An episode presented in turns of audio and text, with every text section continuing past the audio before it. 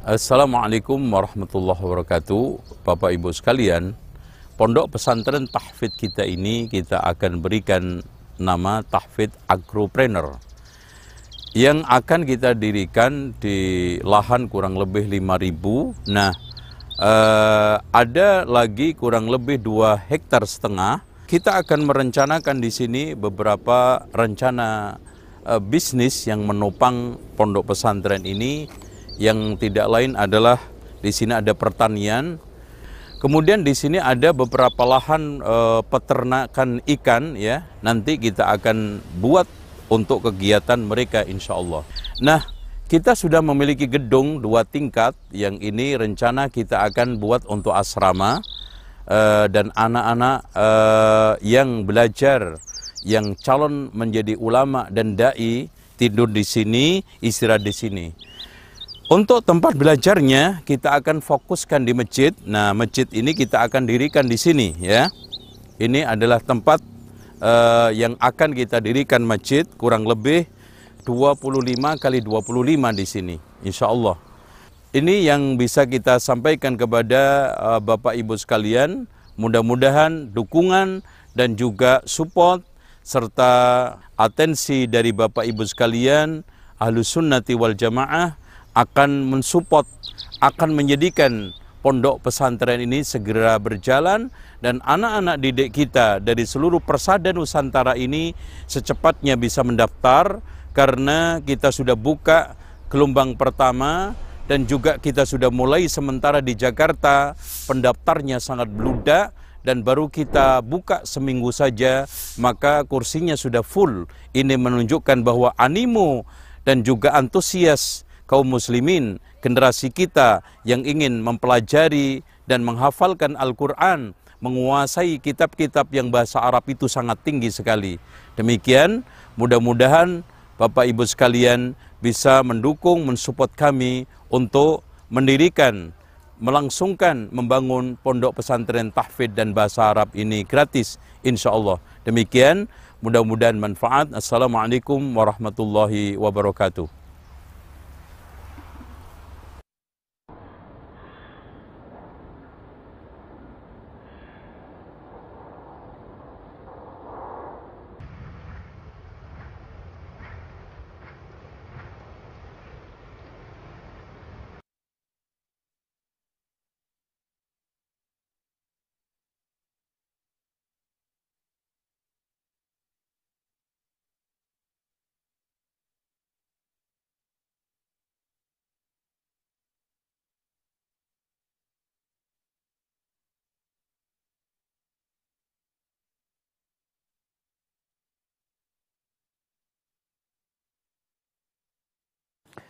Secara umum Rasulullah Shallallahu Alaihi Wasallam sebagaimana yang telah diriwayatkan oleh Aisyah yang dikeluarkan oleh Imam Muslim bahwa Rasulullah Shallallahu Alaihi Wasallam menganjurkan sholat duha dan sholat duha dianjurkan bagi orang-orang yang sudah menjadi rutinitas seperti macam Abu Hurairah, Abu Dar dan Abu Darda.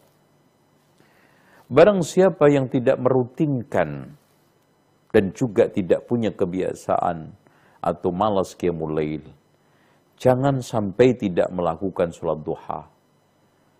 Terutama pulang dari safar atau ada sebab-sebab syukur seperti yang dilakukan oleh Rasulullah pada waktu di rumah Ummu Hani karena syukur akan kemenangan Fatu Makkah atau ingin menyenangkan seorang sahabat yaitu seperti Idban ibnu Malik. Dia datang ke rumahnya, sholat duha, bahkan berjamaah. Tapi barang siapa yang sudah melazimkan, mendawamkan qiyamul lail, maka tidak mengapa tidak pernah sholat duha sama sekali. Dan seandainya ditakdirkan oleh Allah subhanahu wa ta'ala tidak bisa melakukan qiyamul lail, maka sebagaimana penjelasan para ulama berdasarkan hadis-hadis yang sahih bisa diganti pada waktu duha. Nah, cara menggantinya kalau memang biasa rutinitasnya itu satu rakaat, maka gantinya dua. Kalau biasa qiyamul lailnya itu tiga rakaat, maka gantinya empat. Kalau rutinitasnya itu lima, gantinya enam. Rutinitasnya tujuh, gantinya delapan. Kalau rutinitasnya sembilan, gantinya sepuluh. Kalau sekarang ini qiyamul lail bersama witirnya sebelas, maka gantinya adalah dua belas. Mudah-mudahan kita semua bisa mencermati dan tolong diperhatikan. Karena dalil-dalil akan sholat duha itu sangat banyak dan sangat kuat. Maka tidak benar orang mengatakan bahwa sholat duha itu bid'ah. Kalau bersandar dengan ucapan Ibnu Umar ni'matil bid'ah, itu sanggahan bagi orang yang ngeyel. Mengatakan kepada Ibnu Umar bahwa sholat duha itu kan bid'ah. Siapa bilang sholat duha itu bid'ah?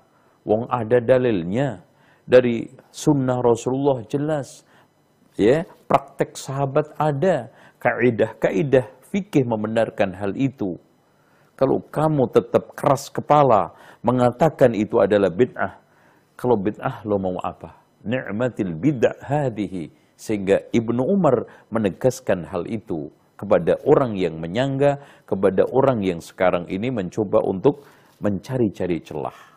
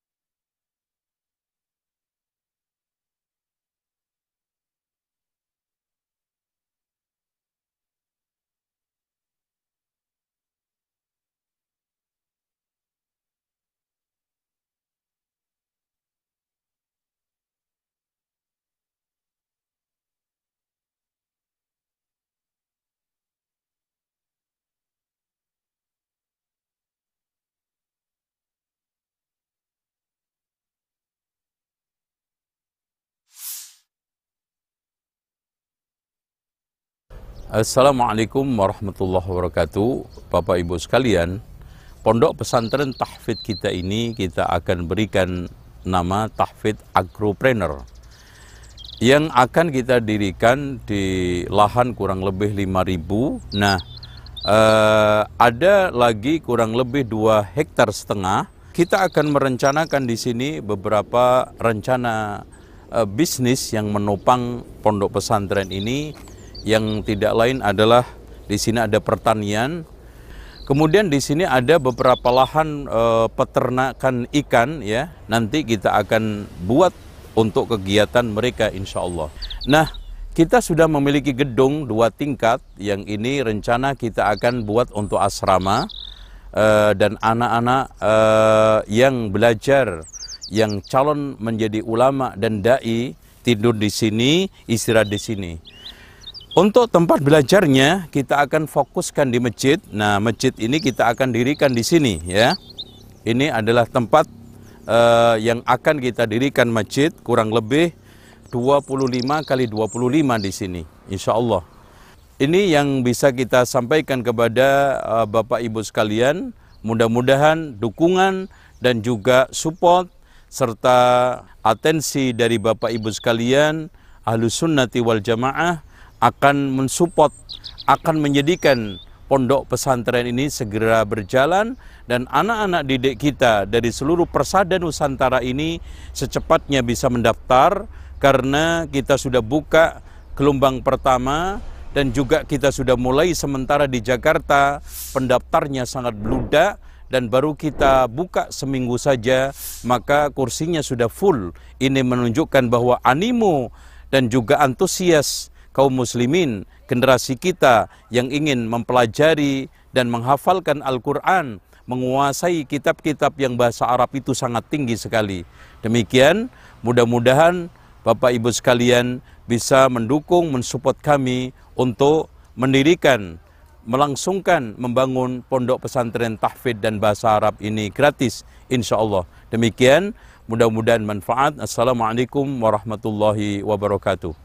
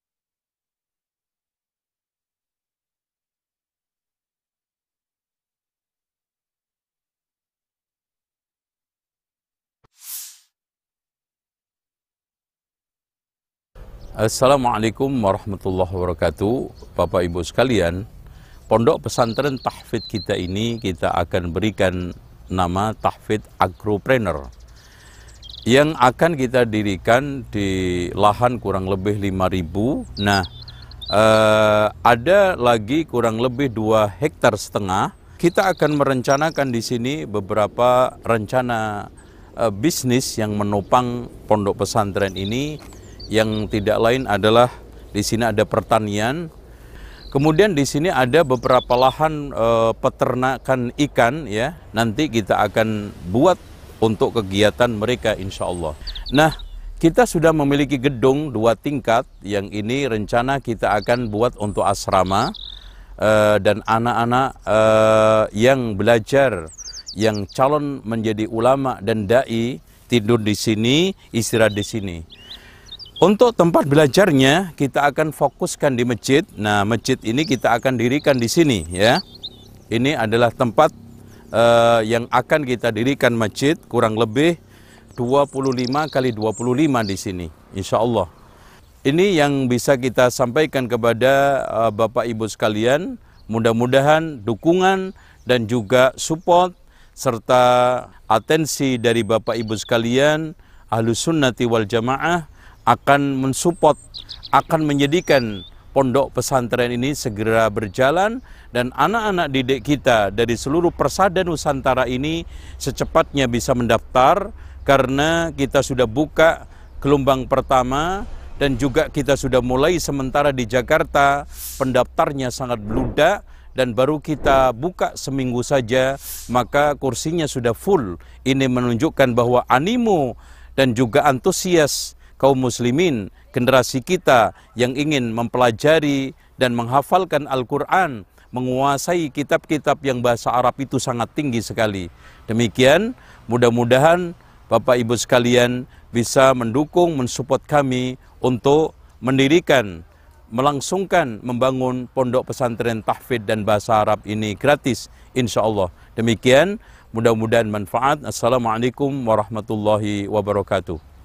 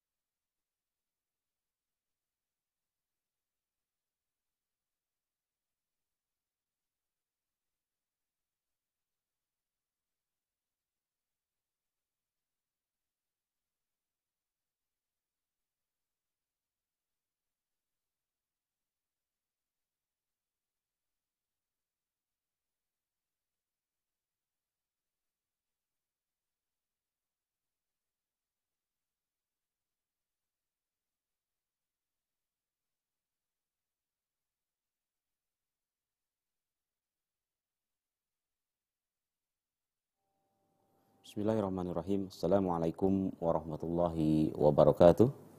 Alhamdulillahirabbil alamin wa bihi nasta'in wa ala umuri dunya waddin wa ala alihi wa sahbihi ajmain. Allahumma salli ala Muhammad wa ala ali Muhammad. Pemirsa IHBS TV yang dirahmati Allah Subhanahu wa taala, alhamdulillah atas izin Allah Subhanahu wa taala kami bisa menjumpai Anda kembali dalam acara bincang serius yang insyaallah pada pagi hari ini kita akan mengangkat satu tema kisah Nabi Yasin alaihi salam. Pemirsa IHBS TV yang dirahmati Allah Subhanahu wa taala, alhamdulillah pada pagi hari ini Ahad tanggal 4 Juli 2021 yang bertepatan dengan 23 Zulqa'dah 1442 Hijriah. Sekali lagi, mudah-mudahan pemirsa sekalian senantiasa ada dalam kesehatan walafiat senantiasa ada dalam lindungan Allah Subhanahu wa taala. Dan sekali lagi kami sampaikan bahwa insya Allah pada pagi hari ini kita akan mengangkat satu tema tentang kisah Nabi Yasin alaihi salam yang insya Allah akan disampaikan oleh narasumber kita yang sudah hadir di tengah-tengah kita yaitu Al Ustaz Zainal Abidin LC MM Ta'ala. Insya Allah kandidat doktor. Pemirsa sekalian pemirsa HBS TV yang dirahmati Allah Subhanahu wa taala di mana pun Anda berada di akhir sesi nanti Anda bisa berinteraksi dengan kami di layanan nomor 08180333389 pemirsa HBS TV yang dirahmati Allah Subhanahu wa taala kita kembali ke narasumber. Kita langsung. Baik Ustaz. Assalamualaikum warahmatullahi wabarakatuh Gimana sehat Ustaz ya? Alhamdulillah. Mudah-mudahan senantiasa Allah berikan kesehatan untuk Ustaz dan kita semua pemirsa Amin. sekalian. Amin.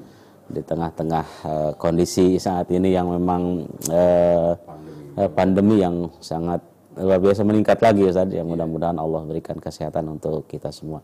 Baik Ustaz, uh, pada pagi hari ini insya Allah kita akan membahas satu tema yaitu tentang Nabi Yasin alaihi salam.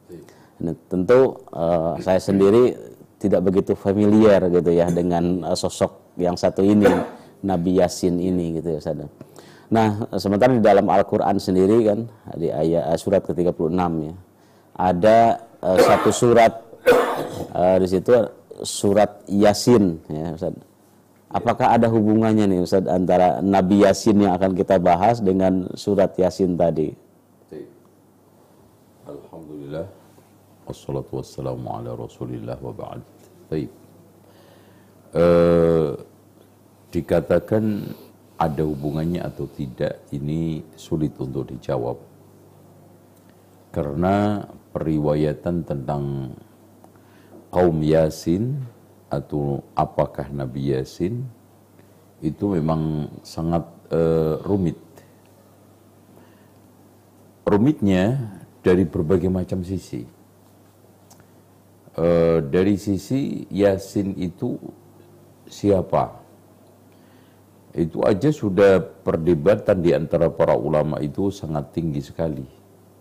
Ada yang mengatakan Yasin itu nama Allah. Hmm. Ya. Uh, sebagaimana yang telah diturunkan oleh Imam At-Tabari di dalam tafsirnya. Ismun min asma'illah. Ada yang mengatakan Yasin itu nama Nabi Muhammad Shallallahu Alaihi Wasallam di antaranya Yasin, Toha dan yang lainnya. Meskipun Syekh uh, Abdul Syekh Abdul Aziz Ibn Bas menyangkal bahwa Yasin sama Toha itu bukan nama Nabi Muhammad berdasarkan riwayat yang sahihah. Ya. Kalau nama Nabi Muhammad, Ahmad, itu jelas. Rasulullah juga mengatakan anal mahi anal hashir ya. Jelas. Tapi ana toha ana yasin itu enggak ada. Yang lebih membuat ruwet lagi adanya riwayat dari Abdullah ibnu Abbas sama Abdullah ibnu Mas'ud. Yasin itu sebetulnya bukan satu ejaan seperti alif lam mim, tetapi aslinya adalah ya insan. Kayak gitu.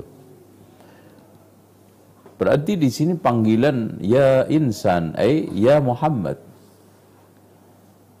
Yasin innaka laminal mursalin. Eh ya Muhammad, ya insan Muhammad ya. Innaka laminal mursalin. Itu ya. Oleh karena itu uh, perlu diketahui bahwa penamaan Yasin sendiri ini debatable. Bahkan ada yang mengatakan kaum, satu nama kaum, Yasin. Makanya agak mendekati kebenaran yang dikatakan oleh Imam Ibnu Kathir bahwa ya apa namanya Yasin itu ashabu al-qaryah. Wadrib lahum mathalan ashab al-qaryah idh ja'ahal mursalun. Nah, itu. Dengan demikian ashabul qaryah ashabu Yasin. Nah, gitu. Eh ahlu Yasin. Ada satu daerah yang namanya Yasin kan gitu.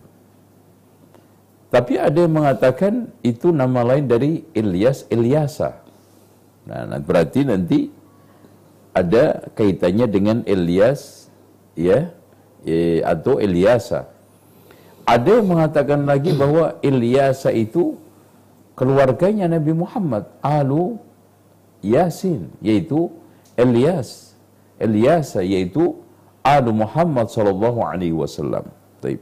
Dengan demikian, di sini rumit, rumit, eh, rumit sekali, rumit sekali untuk mendudukkan apakah Yasin itu Nabi. Kalau Nabi siapakah? Apakah Nabi Muhammad? Ataukah Nabi sendiri kaumnya ini kaum yang memiliki nama Ras, ya? Kadzabat qablahum qaumu Nuhin wa ashabur Rasi wa Thamud wa 'Adun wa Fir'aun wa ikhwanu Lut wa ashabul Aikati wa qaumu Tubba' kullun kadzdzabar rusula fa haqqa wa'id. Nah, kan gitu. Nah, apakah ashabur ras ini memiliki nabi yang namanya Yasin? Ini juga. Ras itu sendiri ada debatable. Kalau menurut Imam eh, kalau menurut Ibnu Abbas, ras itu sumur, tapi kalau namanya sumur itu sepakat, sumur letaknya di mana? Kalau Ibnu Abbas mengatakan bahwa sumur letaknya di Azerbaijan. Nah, kalau Ikrimah mengatakan Ros itu nama sumur yang ada di daerah Falij. Yang kata Qatada Falij itu daerah salah satu desa yang ada di Yamama Yamamah berarti sekarang adalah Riyadh. Nah ini ini ini uh, sekedar ingin uh, mencoba untuk mendudukkan setengah menelusuri siapa Yasin itu kalau Nabi, apakah Nabi ini, Nabi ini, Nabi ini. Sampai Imam Ibnu Kathir dan juga para ahli tafsir ketika menafsiri ini, saya tidak menemukan ketegasan dari mereka. Yasin itu sebetulnya Nabi atau tidak. Tuh. Bahkan Ibnu Kasir hanya mengatakan ashabul qaryah ashabu yasin. Itu aja, ya. Wallahu a'lam. Di surat Yasin sendiri kan disebutkan ada ashabul qaryah tadi Ustaz. Iya, yeah. uh. Nah, yang dimaksud uh, ashabul qaryah ini kan nama tempat tentunya, daerah ya Korea itu saja. Iya. Yeah. Nah, itu eh, kurang lebih merujuk kepada daerah mana Ustaz kalau saat ini gitu ya, ashabul qaryah ini dan uh, apa yang melatar belakangi uh, apa namanya uh, turunnya ayat ini sehingga ditulis apa di Allah menurunkan satu apa namanya uh, wahyu tentang apa ashabul Korea ini untuk memberikan pelajaran apa kepada kita. Taip, uh, ashabul Korea itu wadrib lahum mathalan ashabul Korea ada yang mengatakan Antokia. Taip Antokia ini salah satu daerah di Romawi yang eh, di sini juga daerah sangat kental Kristen. Bahkan di dalam satu riwayat dinyatakan bahwa Antokia ini adalah daerah atau negeri pertama kali yang menerima dakwahnya Nabi Isa. Kemudian setelah itu adalah Quds setelah Kudus eh, Al-Quds ya eh, disusul Iskandaria setelah Iskandaria disusul lagi Roma, Romawi, eh, Rumia, setelah itu Konstantinopel. Nah, Konstantinopel itu terakhir dan eh, Raja Konstantin cerita masuk Islamnya itu disebutkan di dalam kitab Murujud Dahab oleh Al-Mas'udi cukup eh, apa namanya mistis di mana Konstantin itu awalnya bermimpi perang. Eh, di mana memang di dalam alam nyatanya dia itu perang selalu kalah. Di dalam mimpi itu mendapatkan satu eh, apa semacam bisikan disuruh untuk membuat tombak yang tombak itu diberikan cakar-cakar berupa bentuknya salib yang terbuat dari emas, perak, tembaga dan yang lainnya. Ternyata di dalam peperangan di mimpi itu menang. Nah setelah dia bangun, dia mencoba untuk menyuruh para penggawanya untuk membuat itu dan menang ternyata perang. Nah setelah itulah dia memeluk eh, agama Nasrani dan menuhankan salib. Kan gitu ya. Baik. Baik, kita uh, mungkin uh, sedikit untuk uh, menyoal Antokia. Nah, Antokia ini dibantah oleh Imam Ibnu Kathir sebagai daerah yang dimaksudkan Al-Qaryah. Kan gitu. Kenapa? Karena Antokia ini tidak pernah menolak Nabi. Tuh. Kelemahan para ahli tafsir meskipun Imam Al-Qurtubi di dalam tafsirnya mengklaim ijma' jami'ul mufassirin bahwa yang dimaksud Al-Qaryah ini Antokia. Jadi klaim Imam Al-Qurtubi ini dibantah oleh Imam Ibnu Kathir dengan tiga alasan. Yang pertama, kalau di dalam surat Yasin ini nampak jelas tiga ini adalah utusan Allah langsung. Dia adalah memang pribadi-pribadinya ini adalah utusan. Tapi mereka yang datang ke Antokia ini adalah utusan-utusannya Allah yaitu Isa semacam apa namanya da'ilah. Mereka yang disebar oleh Nabi Isa untuk berdakwah ke Antokia. Ini kelemahan satu. Kemudian yang keduanya, uh, Antokia ini tidak pernah menolak ajakan Nabi. Bahkan dia itu masuk Islam ketika datang utusannya Isa itu. Kan gitu. Terus kemudian eh, yang ketiga jelas apa namanya uh, Allah Subhanahu wa taala tidak pernah menghancurkan Korea ini, Antokia. Sementara Allah Subhanahu wa taala di dalam Al-Qur'an itu jelas mengatakan in kanat illa sayhatan wahidatan fa idahum khamidun. Jadi kaum yang didatangi tiga utusan itu yang akhirnya mendustakan, menolak, bahkan menyiksa nabi itu akhirnya Allah hancurkan. Ya tidak dengan uh, utusan uh, dari langit, malaikat dari langit, tentara dari langit, cukup Jibril itu berteriak. In kanat illa sayhatan wahidatan faidahum khamidun. Langsung mendadak mereka itu terdiam dan mati. Itu. Dengan demikian, di sinilah terjadi sesuatu hal yang emang sulit untuk didudukkan. Dalam satu sisi, hampir seluruh ahli tafsir dan memang saya baca hampir seluruh tafsir ini Imam At-Tabari di dalam Jamul Bayannya, Imam Al-Baghawi di dalam Ma'animut Tanzilnya, Imam uh, apa Al-Qasimi di dalam Mahasinut Ta'wilnya dan juga Imam uh, apa uh, Al-Qurtubi di dalam Ahkamul Qur'annya semuanya mengarah kepada Ashabul Qaryah itu adalah Antokia. Cuman yang menjadi permasalahan tadi, Antokia itu tidak pernah menerima Nabi secara langsung. Kemudian yang kedua, tidak pernah menolak ajakan para Nabi. Bahkan ketika didatangi oleh uh, utusannya Nabi Isa itu langsung mereka beriman.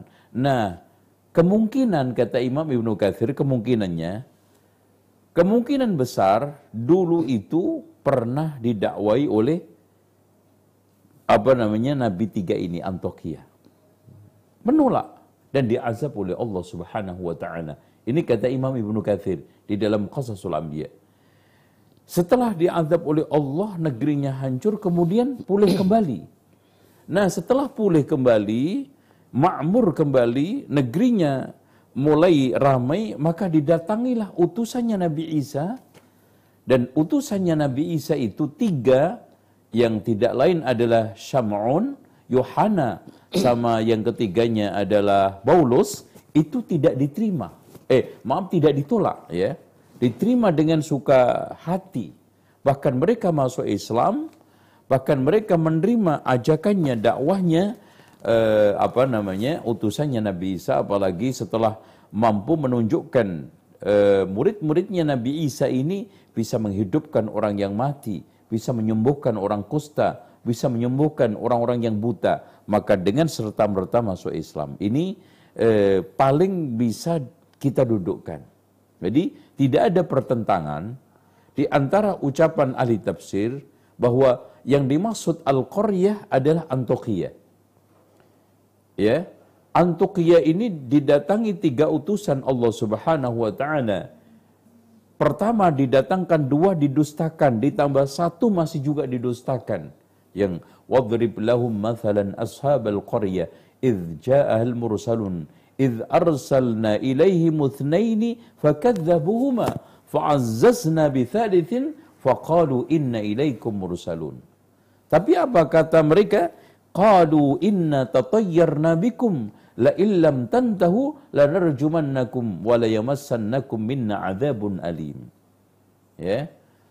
Akhirnya dengan santun, dengan lapang dada, tanpa emosional, menunjukkan kesabaran, kesantunan, keteguhan, para rasul, para nabi di dalam menyampaikan al-haq dan juga menunjukkan jalannya itu diyakini benar, menjawab dengan langgam santun, elegan, beradab, qalu ta'irukum ma'akum a'in dzukirtum bal antum qaumum musrifun. Ya itu uh, dialektika uh, antara kaum yang didatangi para nabi tiga itu dengan nabi tersebut. Wallahu alam.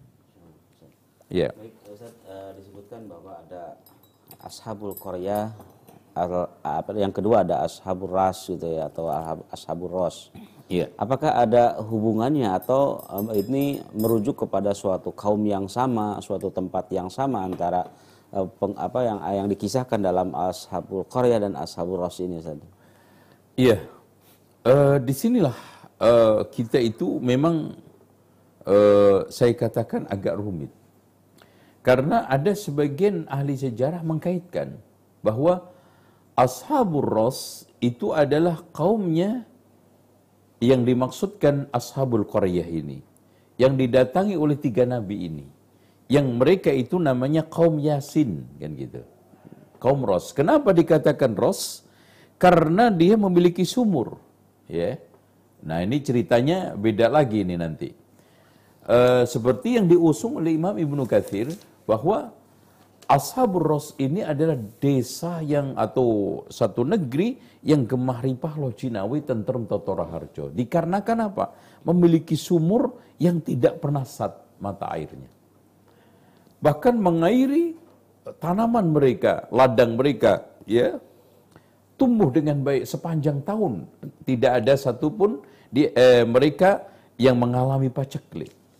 Nah, Rajanya itu cukup adil, cukup baik. Nah, di situ akhirnya setelah meninggal dunia, setan mempermainkan. Ya. Setan menjelma raja yang sudah meninggal itu. Gitu. Coba bayangkan. Jadi perwujudan raja itu. Iya. Dan setan yang eh, atau raja yang jelmaan setan tersebut dia mengatakan, saya sebetulnya tidak meninggal.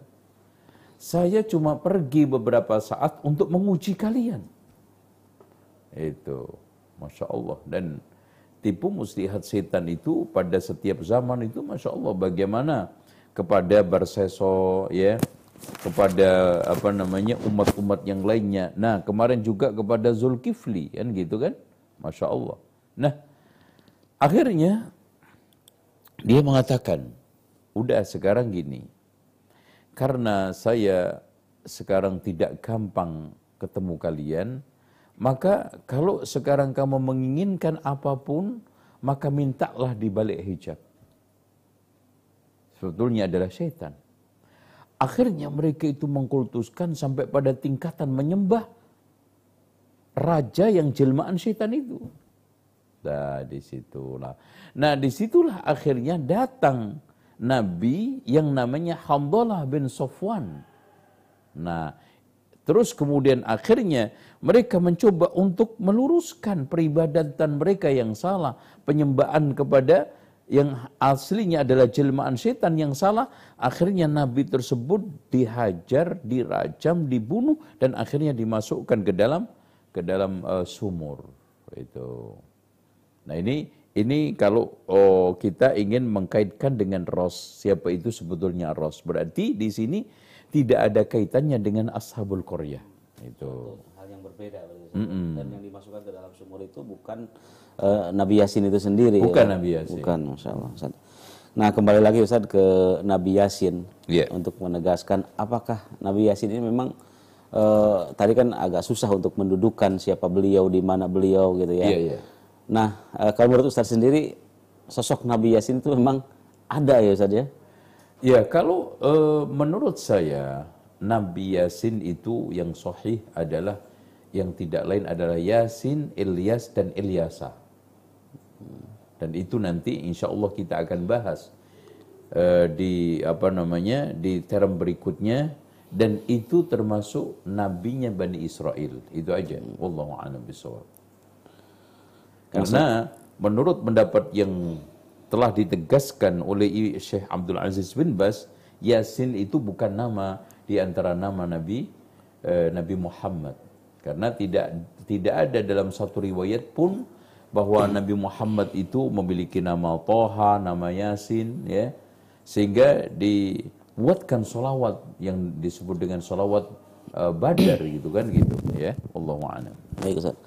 Yang selanjutnya uh, disebutkan di kembali lagi tadi ke kisah Ashabul Qaryah ini kan ada yeah. tiga orang yang diutus ya kepada mereka. Ya. Iya yeah, iya. Yeah.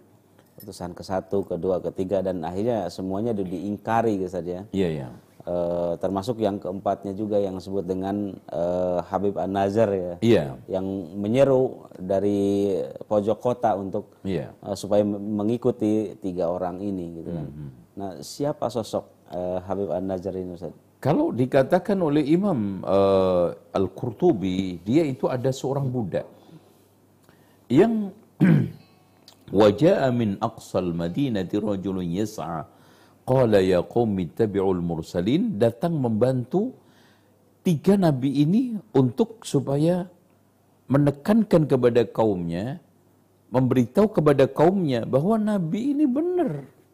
Ittabi'ul mursalin, ikuti mereka, kan gitu. Namun yang terjadi nabi ini malah dihajar. Bahkan disebutkan di dalam uh, beberapa riwayat dia itu diinjak-injak sampai keluar duburnya. Nah itu kan gitu. Nah ketika saat dia itu dihajar sekarat ini amantu bi rabbikum fasma'un dia menegaskan sungguh aku tetap beriman kepada Tuhanmu dengarkan ya meskipun kamu menteror seperti ini menekan seperti ini menindas seperti ini menyiksa seperti ini. Ini menunjukkan bahwa bagaimana kaumnya Nabi uh, apa uh, apa seorang ketika sekarang memiliki satu akidah yang kuat, memiliki satu uh, keteguhan di atas iman yang sahih, apa pun yang sekarang ini menjadi tekanan penindasan dan berbagai macam godaan tidak akan bergeming. La yakhafuna laumata laim. Ini betul-betul tercermin dalam sosok seorang budak. Meskipun kata Imam Ibnu Gathir, dia ini seorang dermawan. Seorang dermawan yang akhirnya kena penyakit kusta dan akhirnya jatuh miskin. Kemudian akhirnya ketika dia mendengarkan dakwahnya tiga nabi ini, maka dia mengabulkan. Itu. Dia akhirnya juga menguatkan. Bahkan akhirnya disiksa oleh kaumnya, dibunuh oleh kaumnya dengan cara diinjek-injek sampai keluar tuburnya yang akhirnya meninggal dunia. Wallahu a'lam bishawab. Dan uh, tadi dari empat orang yang sangat luar biasa ini, yeah, yeah. tiga orang adalah uh, nabi gitu saja. Yeah. Berarti kalau yang tiga orang ini nabi, beliau langsung diutus oleh Allah Subhanahu wa taala saja, tidak ti- bukan merupakan utusan dari nabi lagi gitu berarti. Iya, iya. Dan tidak disebutkan juga namanya Ustaz seperti yang Habib An-Nazar tadi disebutkan langsung secara jelas. Nah, tiga orang ini siapa nama mereka ini Ustaz? Iya betul. Dari sinilah kita itu tidak menemukan satu riwayat yang jelas. Karena gini, kalau itu Antokia, ya, maka nama Nabi itu itu pun dua versi. Ada yang namanya Sodik, Masduk, sama Shalom kan gitu. Itu.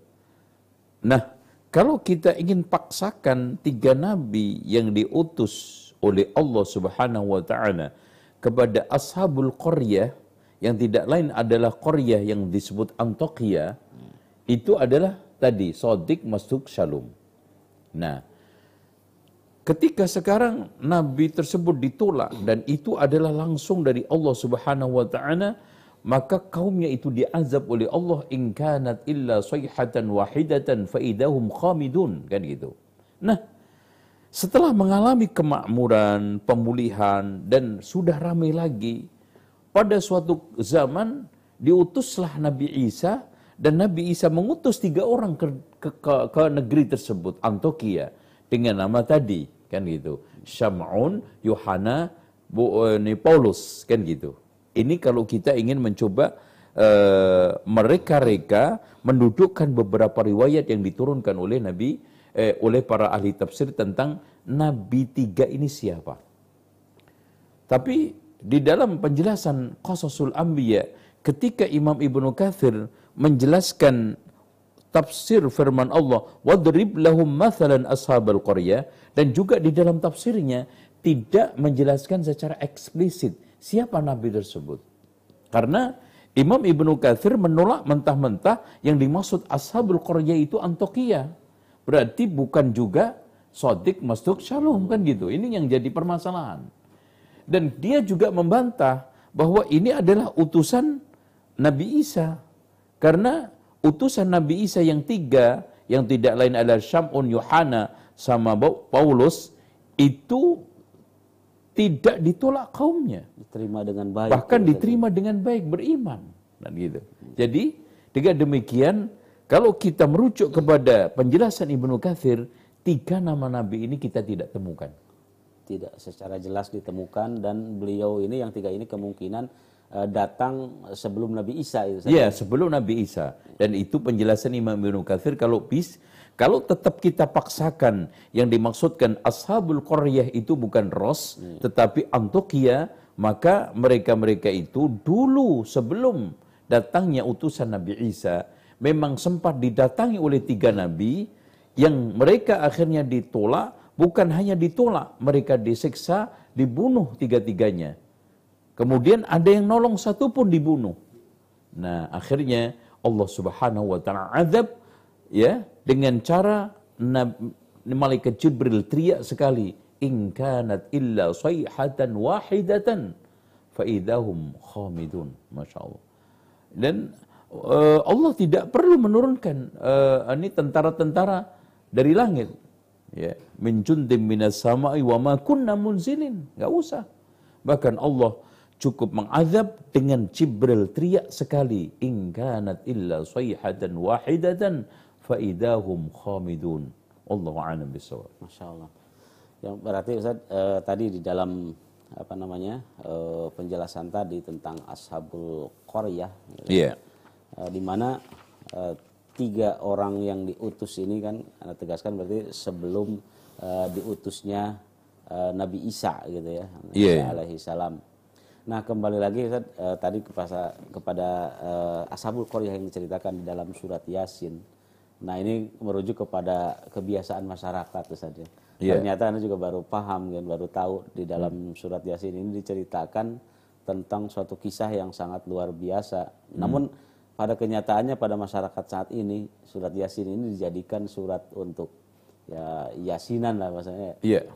kenduri baca surat yasin Ah, ingin hajatnya dikabulkan baca surat yasin ada orang meninggal juga baca surat yasin Iya. Nah, apakah ini ini apa apa hubungannya gitu kebiasaan masyarakat ini dengan ternyata ada suatu hal yang berbeda gitu dengan kandungan di dalamnya gitu Ustaz.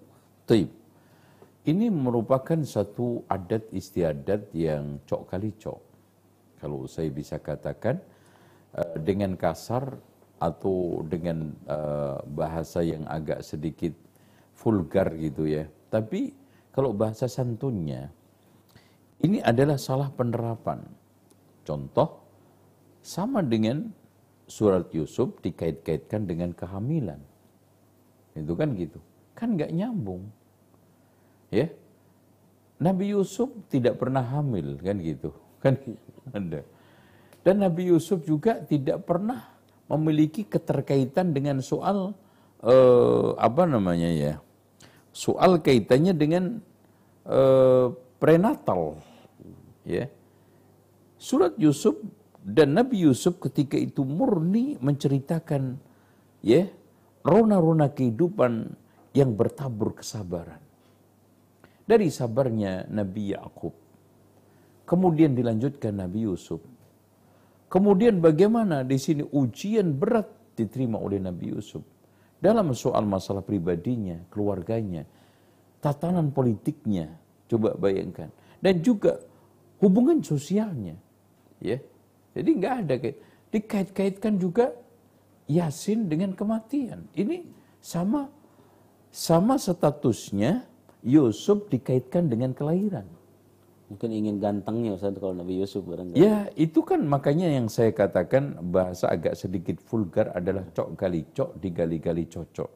Sehingga di sini seakan ada surat untuk kelahiran, ada surat untuk sunatan, ada surat untuk pernikahan, ada surat lagi untuk kehamilan, ada surat lagi untuk ulang tahun ke ini pernikahan, ada surat lagi nanti untuk kematian.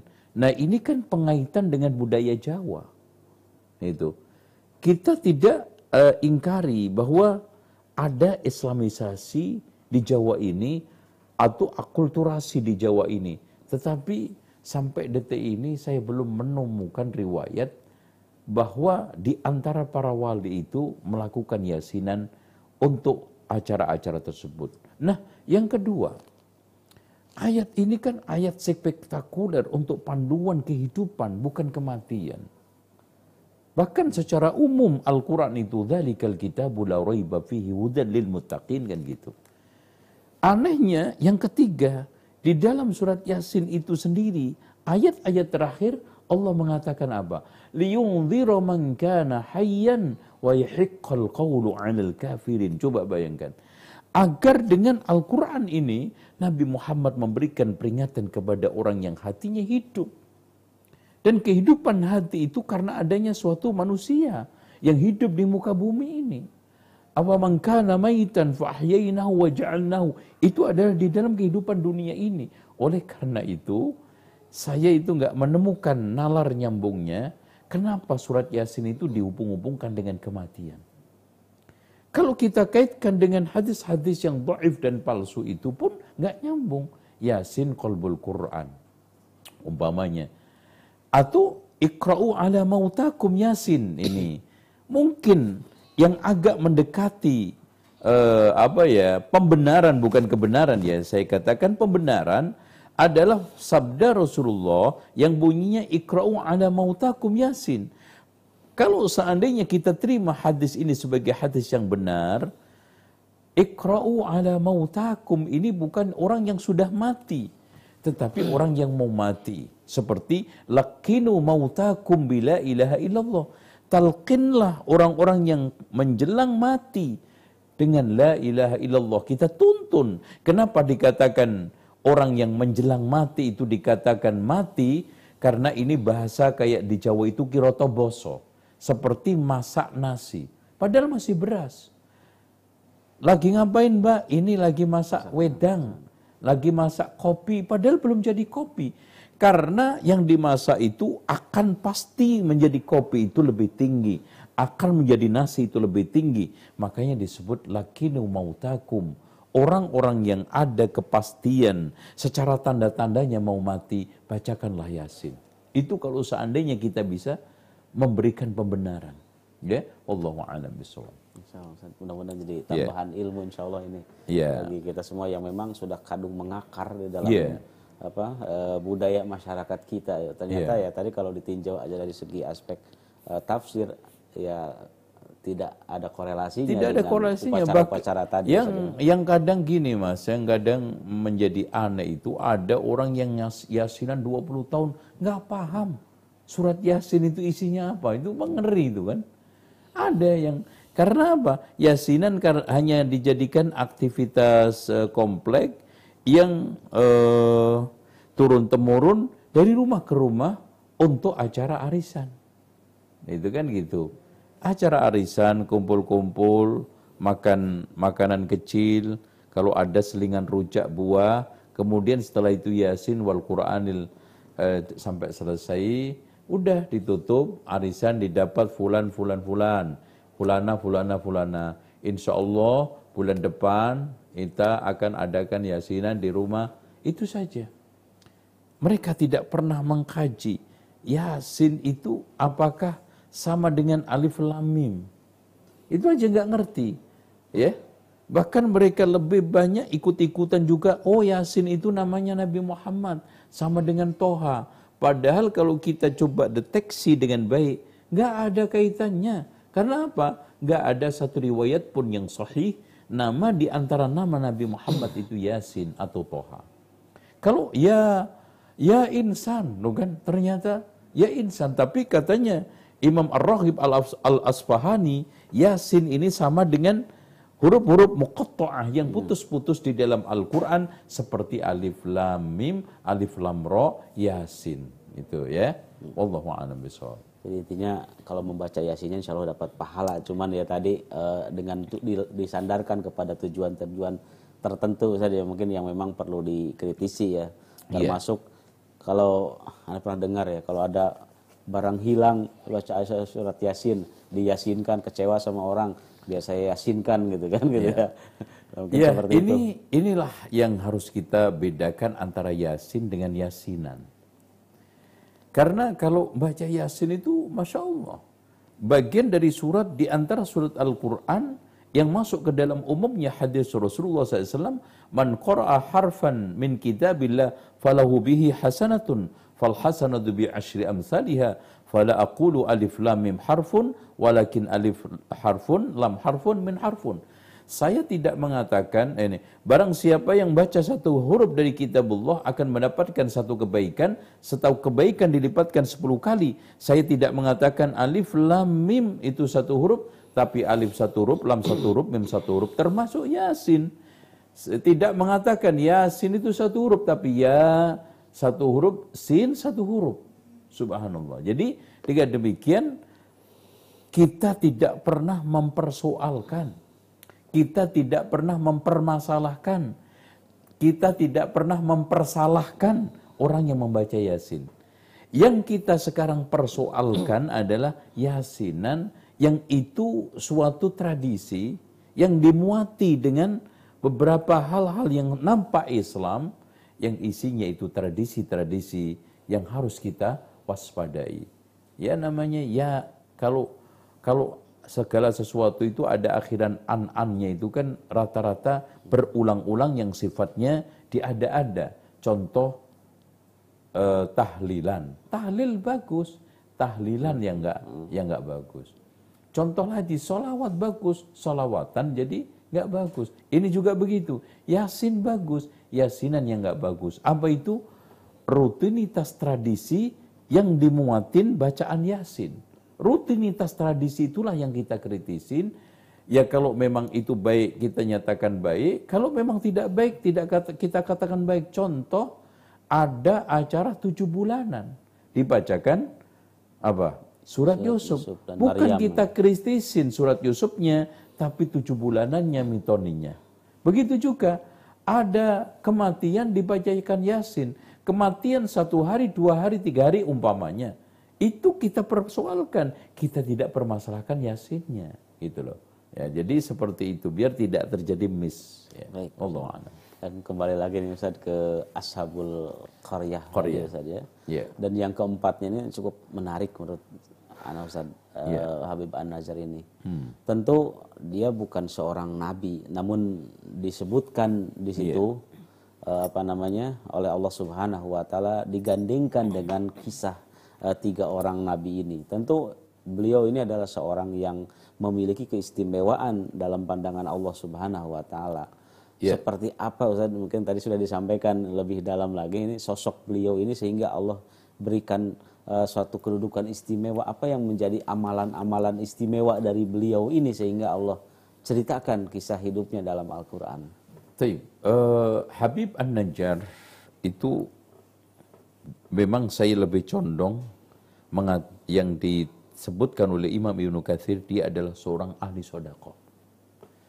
Sodakoh itulah yang membuat kekuatan setiap orang. Dan memang betul Habib An-Najjar ini bukan nabi tapi mentalitasnya sama dengan nabi. Jadi dia mendapatkan ujian sama dengan nabi. Dia memiliki ketegasan, keteguhan sama dengan nabi. Ketika dia mengatakan inni amantu bi rabbikum. Dan ini juga ditegaskan dan diteguhkan lagi oleh Rasulullah soal masalah sodakoh itu. Makanya Allah Subhanahu wa taala sendiri mengatakan tatajafa junubuhum 'anil madaji' yad'una rabbahum khaufan wa tama'an wa mimma razaqnahum yunfiqun. Subhanallah. Kenapa orang tahajud itu kuat? Kenapa orang ahli sodakoh itu kuat? Bahkan Rasulullah Shallallahu Alaihi Wasallam banyak menegaskan di dalam hadis tentang keutamaan-keutamaan sodakoh. Di antaranya adalah tadfa'u masari asu, ya, bisa menangkis satu akhir pungkasan yang negatif, ya. Jadi berbagai macam uh, musibah bencana itu bisa dihindarkan Allah Subhanahu wa taala lewat apa namanya? sedekah. Nah, kenapa Habib An-Najjar ini tidak dihindarkan oleh Allah Subhanahu wa taala dari kematian? Dari siksaan penindasan. Karena Allah Subhanahu wa taala menginginkan tingkat derajat surganya Habib An-Najjar ini lewat apa? Lewat keteguhan dia menghadapi siksaan. Allah berikan kelebihan sodako itu di mana? Di keteguhannya, di kesabarannya, di ketahan bantingannya, bahkan istiqomahnya. Meskipun mendapatkan teror yang berat. Dan bukan hanya sekedar teror. Ancaman eh, apa eh, semacam WA, SMS. Ya. Lebih dari itu. Lebih daripada itu. Dan sekarang pun sama Sampai hari ini orang-orang yang teguh di atas kebenaran itu selalu mendapatkan teror. Baik itu teror fisik dan non fisik. Di antara mereka ada yang uh, apa namanya uh, diancam keluarganya. Di antara mereka ada yang disabotase. Ada di antara mereka ada yang sekarang dijegal di tengah jalan. Ya. Di antara mereka ada yang sekarang ini eh, di dilempari rumahnya dengan uh, kotoran, ya banyak. Itu sampai akhir zaman. Makanya Allah katakan wadrib lahum matalan ashabal qaryah itu untuk siapa? Nabi Muhammad kepada kita. Artinya ceritakan Muhammad kepada umatmu kepada mereka-mereka yang sekarang kamu dakwai pasti mereka akan menjadi segmen seperti Ashabul Qaryah menolak, ada yang sekarang ini menjadi nabi itu. Mathalan ashabul Qaryah. Sebagai pelajaran buat kita semuanya bahwa kita di dalam dakwah ini suatu ketika akan bisa mengalami seperti Habib An-Najjar. Kita akan bisa mengalami seperti yang dialami oleh apa? Nabi Yusuf, Nabi Ayub dan yang lainnya. Intinya kita harus tetap teguh tegar. Wadrib lahum mathalan ashabal qaryah idh ja'ahal mursalun. Dan Masya Allah, ya.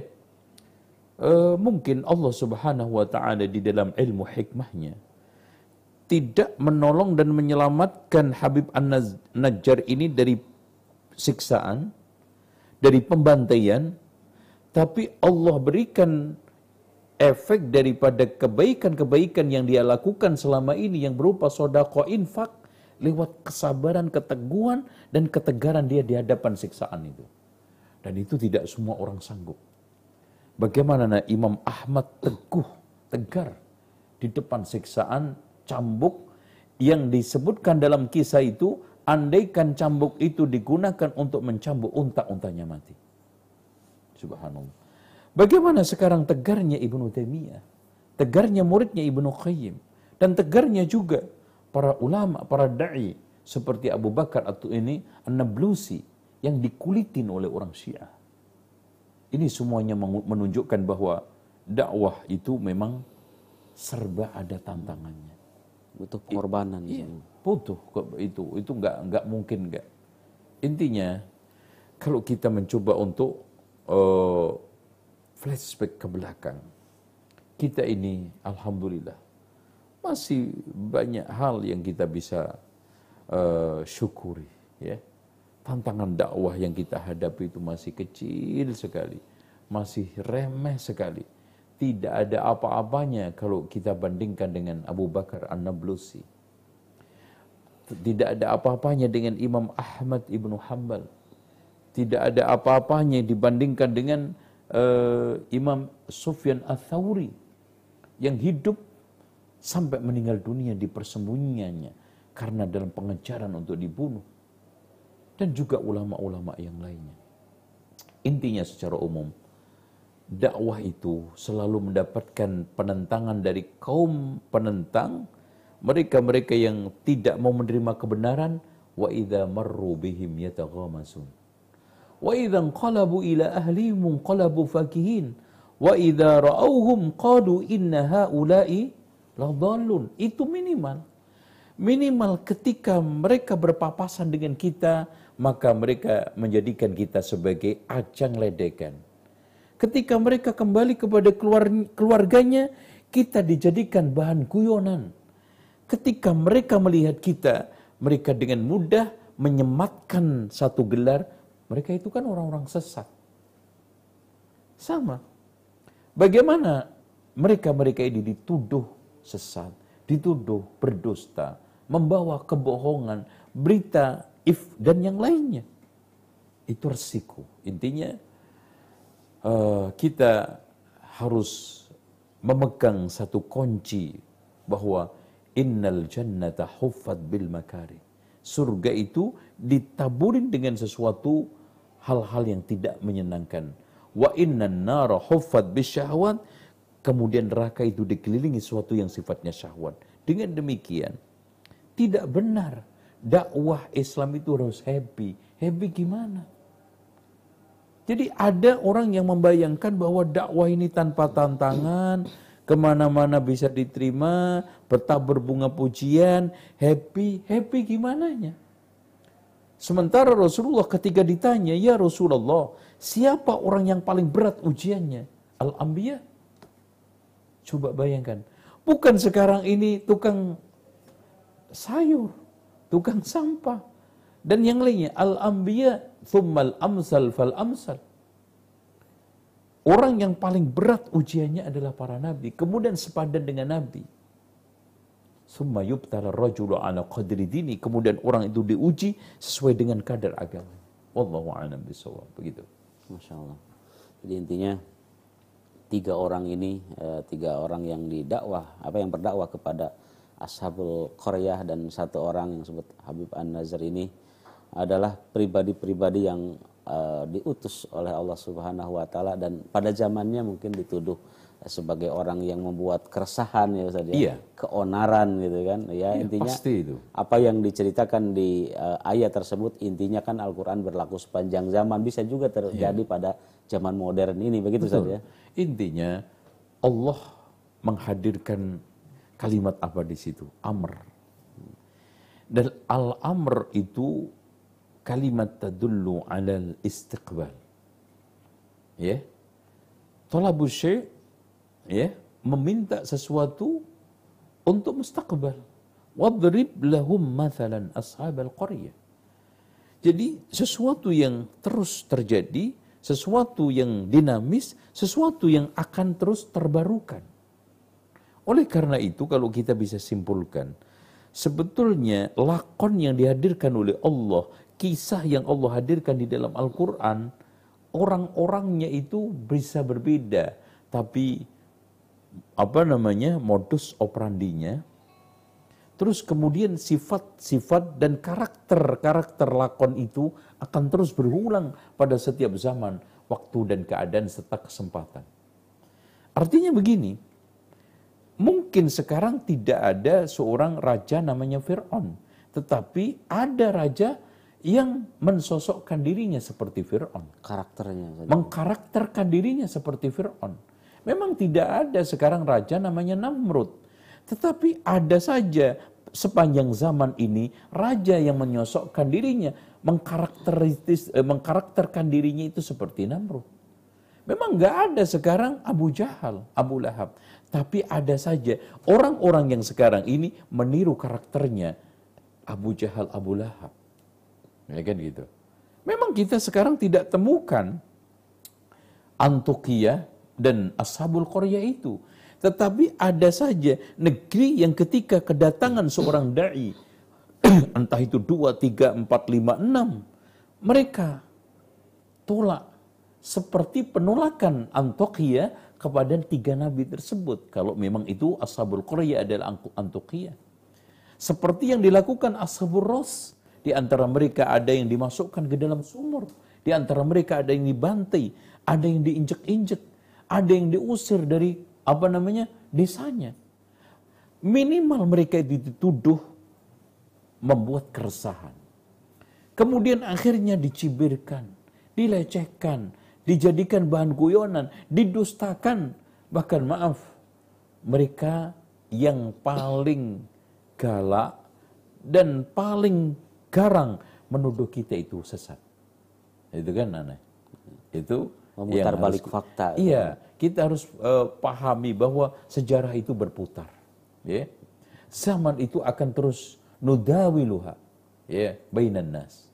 Dan kita tidak akan uh, apa namanya uh, lupa hal itu. Makanya sejarah itu selalu berulang nah karakternya dan kemudian sifatnya, lakonnya, meskipun sosoknya itu berbeda-beda. Hanya pelakunya yang berbeda. Iya. Allah. Namun di satu sisi ketika uh, di situ ada seorang Fir'aun, maka tentu di akhir zaman pun ada sosok yang karakternya seperti uh, Nabi Musa alaihissalam. Yeah. Dan begitu pun uh, ketika ada uh, kelompok atau masyarakat seperti masyarakat Ashabul Qaryah juga tentu akan ada para penyeru kepada dakwah tauhid seperti tiga orang nabi dan satu yeah, uh, orang uh, Habib An-Najjar ini Gus yeah, seperti itu ya. Jadi, Jadi kebalikannya. Gitu. Intinya pasti aja ada ya kalau zaman sekarang itu Abdurrahmannya uh, zaman sekarang ada lagi Abu Bakar, Umar, Utsman, Ali, tapi juga ada Abu Jahal, Abu Lahabnya.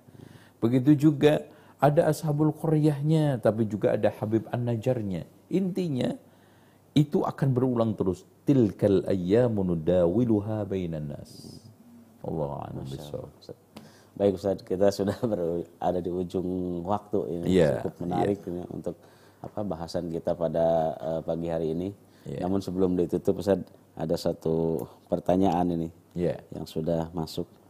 Uh, ashab masyarakat ashab apa ashabul Korea ini uh, seperti apa uh, tipikal ya atau apa namanya uh, apa namanya kulturnya saja ya. hmm.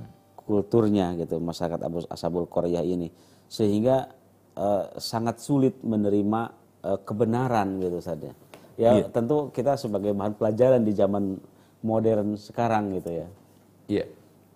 Taib. Uh, kalau kita lihat Apalagi kita kaitkan dengan Ashabul Qaryah ini adalah Ashabul Ras ya. Yang telah diangkat oleh Imam Ibn Kathir. Adalah mereka-mereka memang berada di dalam zona nyaman. Itu ya. Zona nyaman ini nyaman di dalam masalah tradisinya, nyaman dengan situasi, nyaman dengan keadaan. Sehingga mereka-mereka yang cinta kemapanan dengan keyaman, kenyamanan ini serta-merta untuk menerima kebenaran itu tidak mudah. Itu. Apalagi disertai dengan satu uh, kultur dan budaya yang sudah mapan. Dan pastinya ini kenapa? Karena setiap satu negeri yang didatangi oleh para nabi yang memiliki raja, pasti di situ memiliki budaya yang mapan, kultur yang mapan, dan yang tidak kalah pentingnya adalah tradisi-tradisi kehidupan yang sudah mengakar kuat.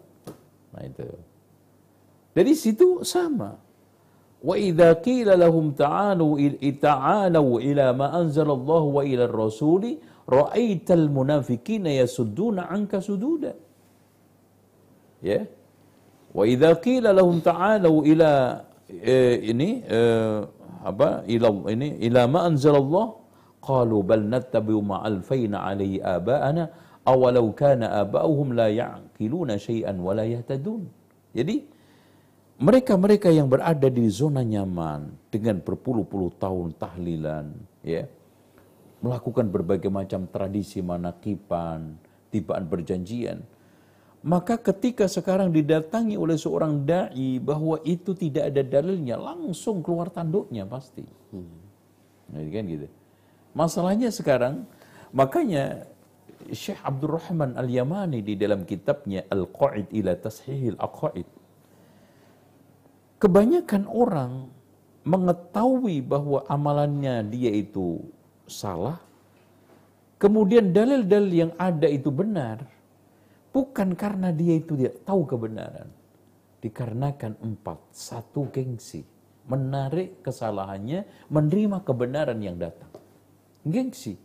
Apalagi yang disalah-salahkan itu adalah tokohnya. Masa kiai saya 15 tahun di Mekah salah? Meskipun di sana nyopir. Kan gitu. Masa sekarang kiai saya salah?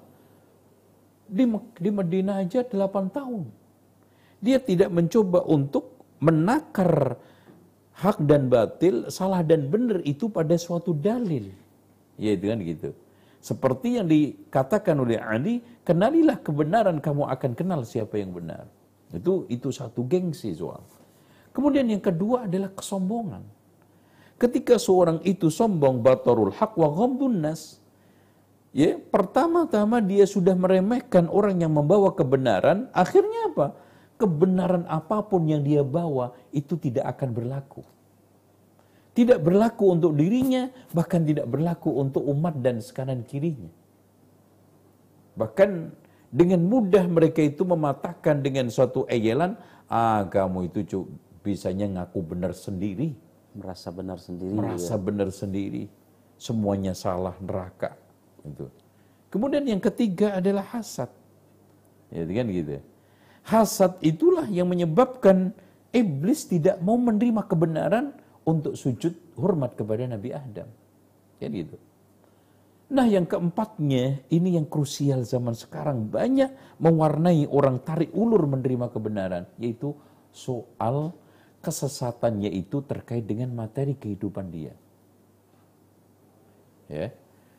Kalau sekarang kehidupan seorang bergantung kepada hal-hal yang mungkar tersebut. Ya, dengan hal-hal yang uh, terkait dengan tradisi yang dinyatakan oleh Al-Quran dan Sunnah itu tidak sesuai dengan dalil, tidak ada ajarannya, tidak sesuai dengan Sunnah, perkara yang bid'ah, kira-kira gampang nggak meninggalkan? Tentu berat. Ya, Tentu berat orang yang sekarang ini mendapatkan miliaran dari ringtone musik dia kemudian serta-merta mengatakan musik itu haram. Mengancam periuk nasinya. Tentu. Nah itu, dan itu selalu yang menjadi pertimbangan manusia pada setiap zaman, keadaan dan tempat. Makanya Rasulullah berwasiat kepada Abu Zar, Qulil haq walau kana murrah. Pahitnya itu di antara itu. Pahitnya itu bukan soal masalah adanya penentangan, adanya suatu tekanan, ada satu ancaman, bukan hanya itu saja. Bahkan di dalam wilayah yang sangat nyaman, kan orang itu ketakutan itu kan ketakutan mendapatkan sesuatu yang uh, tidak menyenangkan, ketakutan kehilangan sesuatu yang menyenangkan. Itu dua-duanya ancaman itu. Itu. Nah, kalau itu sudah sekarang ini menjadi prinsip la yakhafuna laumata laim, maju tak gentar membela yang benar, insya Allah. Lah yang jadi masalah sekarang kan maju tak gentar membela yang bayar. Nah ini yang yang yang berat eh, zaman sekarang ini. Wallahu a'lam Baik Ustaz. Nah, ternyata ada lagi pertanyaan yang masuk seperti yeah, yang yeah. terakhir ini Ustaz ya. Hmm. Kita eh, apa? Open untuk pertanyaan. Iya. Eh yang pertama di sini siapa nabi yang eh, tidak mempunyai pengikut gitu kan. Yang kedua pertanyaannya siapakah apa adakah nabi yang berdakwah lalu dibunuh oleh oleh kaumnya dan apa hikmah yang ingin Allah uh, ajarkan kepada kita tentang uh, kalau ada nabi tersebut apa terbunuh padahal tentu Allah uh, para nabi itu adalah uh, kekasihnya Allah Subhanahu wa taala. Memang betul di sana ada hadis Rasulullah Shallallahu Alaihi Wasallam yang menegaskan wahunaka nabiyyun walaysa ma'ahu ahad. Di sana ada nabi yang tidak punya pengikut sama sekali. Bahkan ini kalau kita lihat tadi di antaranya nabi tiga ini coba bayangkan. Nabinya tiga pengikutnya satu. Coba bayangkan, masya Allah. Ya. Ini uh, suatu hal yang sangat langka kita temukan sekarang. Ada ustadz tiga punya dai satu. Ada ustadz sepuluh uh, jamaah kajiannya cuma tiga. Kan gitu nggak ada. Alhamdulillah sekarang di mana pun ada majelis makanya ya ikhwan terutama teman-teman para dai jangan meremehkan jumlah jamaah. Jangan meremehkan uh, apa namanya peserta kajian ya. Coba kalau kita lihat ya penulis Alfiyah Ibnu Malik itu berkali-kali majelisnya itu nggak ada yang hadir. Sampai akhirnya menunggu sehingga majelis itu digunakan untuk menulis yang akhirnya menjadi kitab rujukan sepanjang zaman zaman kaum muslimin sekarang. Alfiyah Ibnu Malik. Dan juga masih banyak ulama-ulama yang lainnya. Besar. Tetapi ketika dia bermajlis, Subhanallah yang hadir tidak sesuai dengan ekspektasi yang ada. Wow, dia ini kan sosok dai internasional, dai nasional harusnya membludak. Ternyata cuma 10, mungkin 5. Jangan antum meremehkan. Nabi Nuh alaihissalam Allah katakan apa? Wa ma amana ma'ahu illa qalil. Tidaklah beriman kepada Nabi Nuh kecuali sedikit. Rasulullah katakan, wa hunaka nabiyyun wa ma'ahu rajulan. Ada nabi yang punya dua pengikut. Wa ma wa hunaka nabiyyun wa ma'ahu rajulun. Ada nabi yang punya satu pengikut tapi akhirnya wa hunaka nabiyyun wa walaysa ma'ahu ahadun. Enggak ada satu sama sekali. Ya, enggak ada. Ya. Di antaranya nabi ini tadi. Gitu kan? Itu. Enggak ada pengikutnya. Satu pun dibunuh udah selesai disiksa pula gitu. Itu wajah itu pun wajah min aqsal madinati rajulun yas'a qala ya qaumi ittabi'ul mursalin ittabi'u man la yas'alukum ajran wa hum muhtadun dan seterusnya wallahu a'lam insyaallah Ustaz. dan tadi eh, apa hikmah eh, apa namanya yang ingin Allah ajarkan Ustaz terhadap apa kita semua kepada kita semua tentang adanya apa eh, penyiksaan jadi Allah seolah-olah membiarkan ada hmm. nabinya yang dianiaya gitu seperti iya betul uh, ini memberikan satu pelajaran. Bukan Allah itu tidak menolong hambanya. Bukan Allah membiarkan nabinya pada ketidakselamatan. Karena semata-mata itulah cara Allah mencintai hambanya. Itulah cara Allah mengasihi hambanya nanti di akhirat. Karena contoh Nabi Yahya alaihissalam tidak mungkin rankingnya itu tinggi di hadapan Allah nanti di akhirat. Kecuali dengan cara dakwah yang akhirnya dibunuh. Kemudian yang kedua, Allah ingin menegaskan kepada kita sunnatullahi fid da'wah. Sunnatullah di dalam mengajak kebenaran. Pada setiap zaman, keadaan, tempat itu selalu. Sunnatullah berlaku para rasul, para nabi. Cek saja mana di antara nabi itu yang tidak mendapatkan cobaan. Di antara nabi tidak mendapatkan penentangan dakwah. Di antara nabi yang tidak mendapatkan perlawanan dakwah? Tolong sebutin. Ya. Bagaimana sekarang ini penentangan kaum Nabi Nuh alaihissalam, penentangan kaum Nabi Ibrahim alaihissalam, bahkan Nabi Ishak, Nabi Yakub, Nabi Ismail mendapatkan penentangan di dalam dakwah. Apalagi Nabi Zakaria udah dibunuh, Nabi Yahya dibunuh. Nabi Muhammad SAW hampir nyaris. Nabi Isa alaihissalam itu hidupnya di persembunyian. Sampai akhirnya diangkat oleh Allah subhanahu wa ta'ala. Pun begitu juga lihat sirah para rasul, para ini para ulama. Ya. Innamal ulama warasatul anbiya. Lihat, Sufyan al-Thawri semasa hidupnya sampai meninggal dunia di dalam persembunyian karena dikejar oleh uh, Abu Ja'far al-Mansur karena dia menolak untuk diangkat menjadi ketua Mahkamah Konstitusi. Begitu juga ulama-ulama yang lainnya. Abu Hanifah mati di penjara. Imam Ahmad bagaimana di penjara. Imam Abu Hanif ini Ibnu Taimiyah juga wafat di penjara. Ini sunnatullah di dalam pembelaan kebenaran. Kulil haq walau kana murra. La yakhafuna laumata. Yang ketiga, kita ingin atau Allah Subhanahu wa taala menghadirkan cerita ini ingin memberikan pelajaran kepada umat, kepada kita semuanya bahwa inna ma'al usri yusra. Ya, selalu aja ada pertolongan-pertolongan Allah, pengikut-pengikut yang simpatik. Meskipun sekarang kita tidak bisa menilai dengan uh, apa ya absensi ya, kita tidak bisa juga memponten dengan suatu angka-angka, tetapi ada saja. Bagaimana di balik ya penek ini te, penindasan, tekanan dan juga teror yang dialami Rasulullah. Ketika di Taif ada aja subhanallah seorang muda yang akhirnya dia masuk Islam. Yang akhirnya menceritakan kepada kita bagaimana suka dukanya Rasulullah dakwah ke Taif Kemudian Abu, ada Abu Bakar, ada Umar, ada Utsman, ada Ali, kan gitu. Begitu juga Nabi Isa alaihissalam. Dasarnya tekanan, ya teror. Ada aja Allah menghadirkan hawariyun. Ya, dan begitu juga Nabi Musa alaihissalam. Ya, dengan demikian kita juga harus inna ma'ala usri usra. Selalu saja kita di tengah berbagai macam ujian. Nah ini kata Imam Ibnu Qayyim, Masya Allah. Di dalam kitabnya Al-Fawaid, Allah Subhanahu wa taala selalu menghadirkan manusia itu dua hal. Ya. Yang pertama, kesabaran ketika saat datang perintah. Kasih sayang ketika datang ujian. Karena perintah itu selalu bergandengan dengan ujian. Makanya makin besar, makin tinggi kesemangatan, keseriusan, kesungguhan seorang di dalam menunaikan perintah Allah, maka makin besar juga ujian yang dia dapat.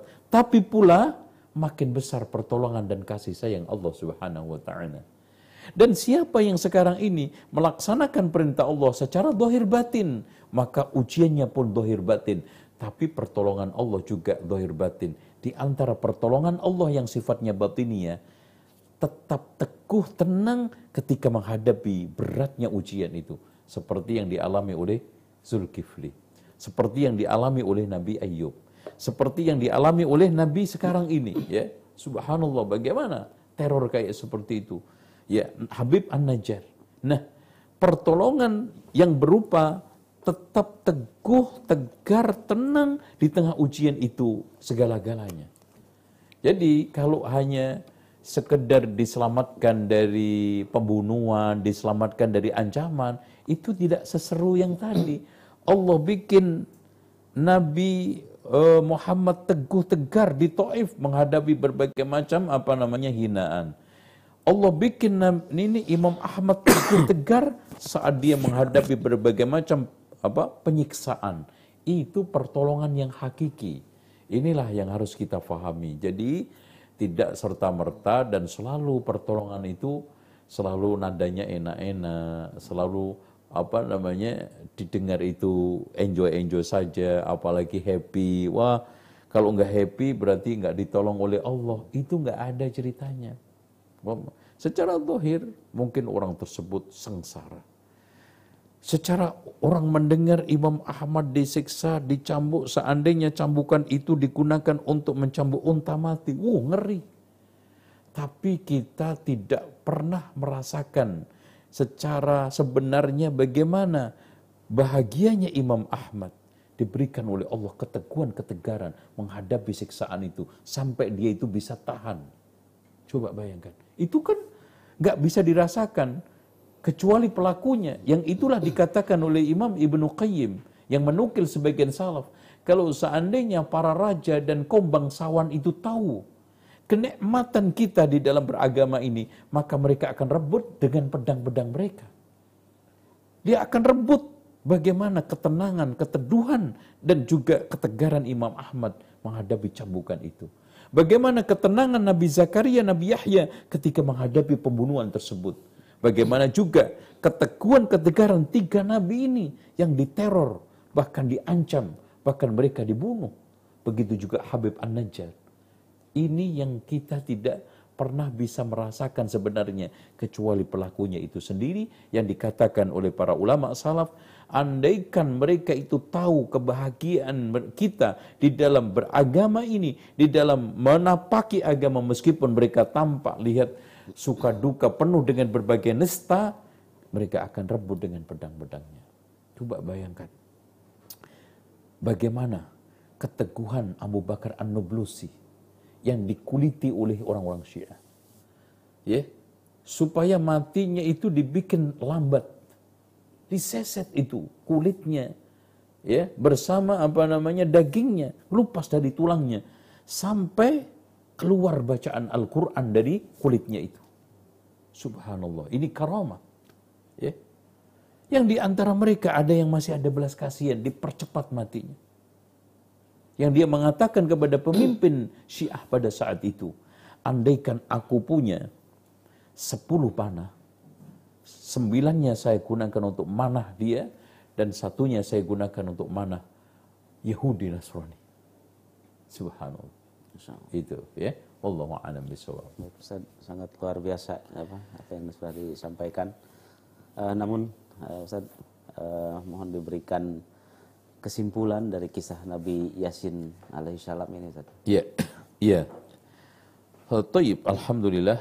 Jadi kita di penghujung acara bincang serius ini kita bisa simpulkan bahwa uh, apa pun bentuk kisah di dalam Al-Quran wa fi qasasihim ibrah ada satu ibrah pelajaran.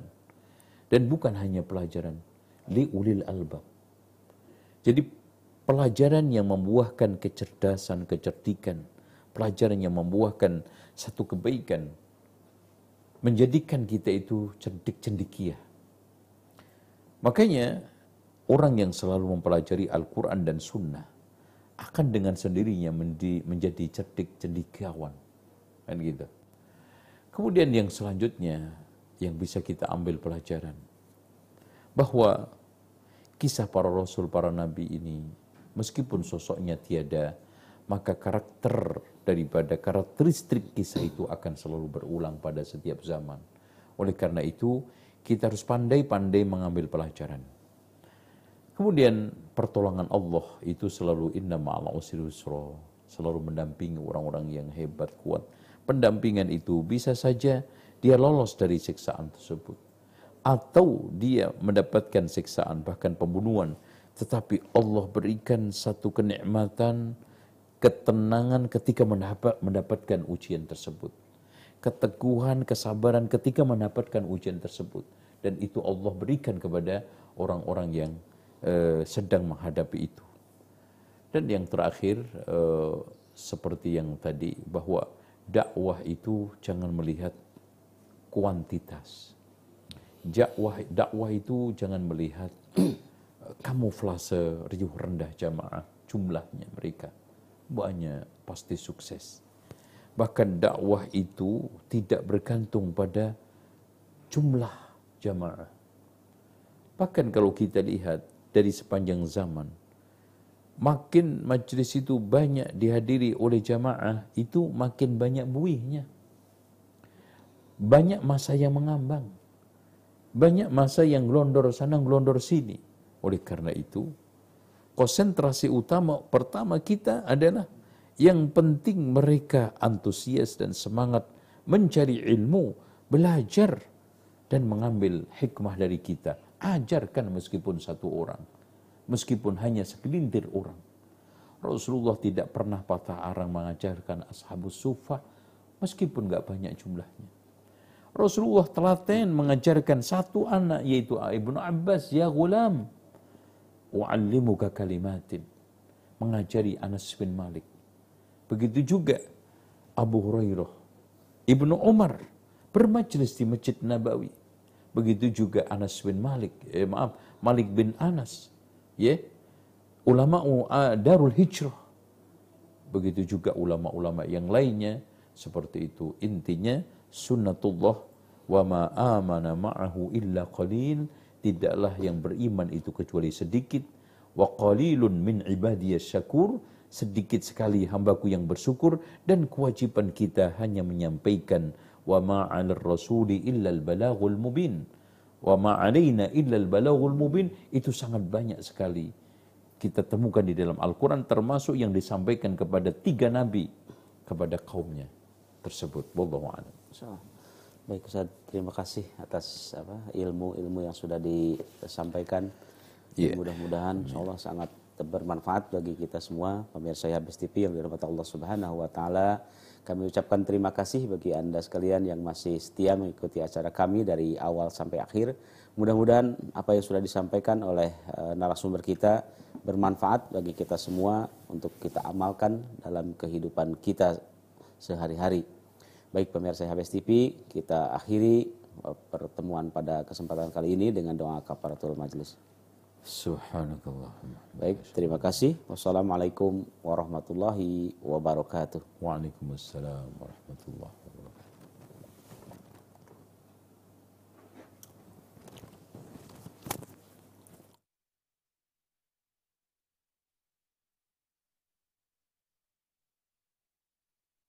Assalamualaikum warahmatullahi wabarakatuh. Alhamdulillah wassalatu wassalamu ala rasulillah wa ala alihi wa sahbihi wa mawalah para pemirsa IHBS TV dan para jamaah sekalian. Alhamdulillah di kesempatan siang hari ini kita bisa berkunjung di salah satu tempat ataupun vendor yang sudah insya Allah bekerja sama dengan IHBS ataupun yayasan dan kali ini kita langsung bisa melihat bagaimana hewan yang insya Allah ya, akan dikorbankan di IHBS ini adalah salah satu adalah uh, sapi limosin ya, dengan berat satu kintal ini adalah bahwasanya kita bisa bekerja sama dengan vendor yang insya Allah amanah ya, yang langsung bekerja sama dengan kita.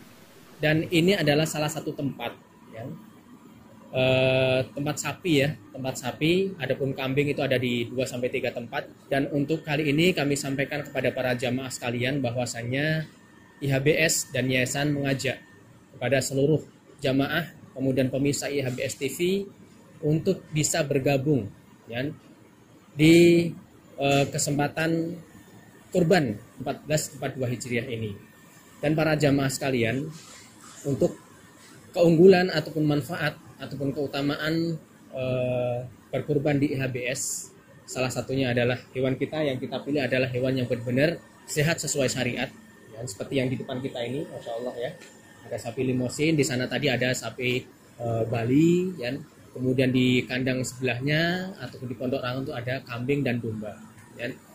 pastinya sesuai uh, syariat sehat kemudian bebas uh, apa cacat insya Allah ya kemudian bebas ongkir free ongkir ya. kemudian bisa menyembelih sendiri ini yang paling penting ya. kita bisa mengedukasi kepada para jamaah sekalian yang mau berkorban di HBS insya Allah bisa menyembelih sendiri dan pastinya manfaat-manfaat yang lainnya sangat banyak sekali. Para jamaah sekalian silahkan mulai dari sekarang ya persiapkan infak terbaik, kemudian persiapkan uh, harta terbaik untuk bisa berkorban di IHBS. Kami tunggu para jamaah sekalian. Mudah-mudahan informasi ini bermanfaat.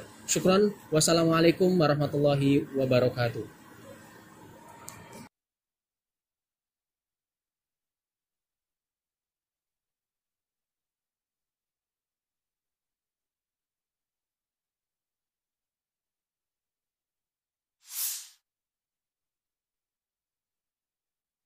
Assalamualaikum warahmatullahi wabarakatuh. Bapak Ibu sekalian, pondok pesantren tahfidz kita ini kita akan berikan nama tahfidz agropreneur yang akan kita dirikan di lahan kurang lebih 5000. Nah, eh, ada lagi kurang lebih 2 hektar setengah. Kita akan merencanakan di sini beberapa rencana eh, bisnis yang menopang pondok pesantren ini yang tidak lain adalah di sini ada pertanian. Kemudian di sini ada beberapa lahan e, peternakan ikan ya. Nanti kita akan buat untuk kegiatan mereka insya Allah. Nah, kita sudah memiliki gedung dua tingkat yang ini rencana kita akan buat untuk asrama e, dan anak-anak e, yang belajar yang calon menjadi ulama dan dai tidur di sini, istirahat di sini.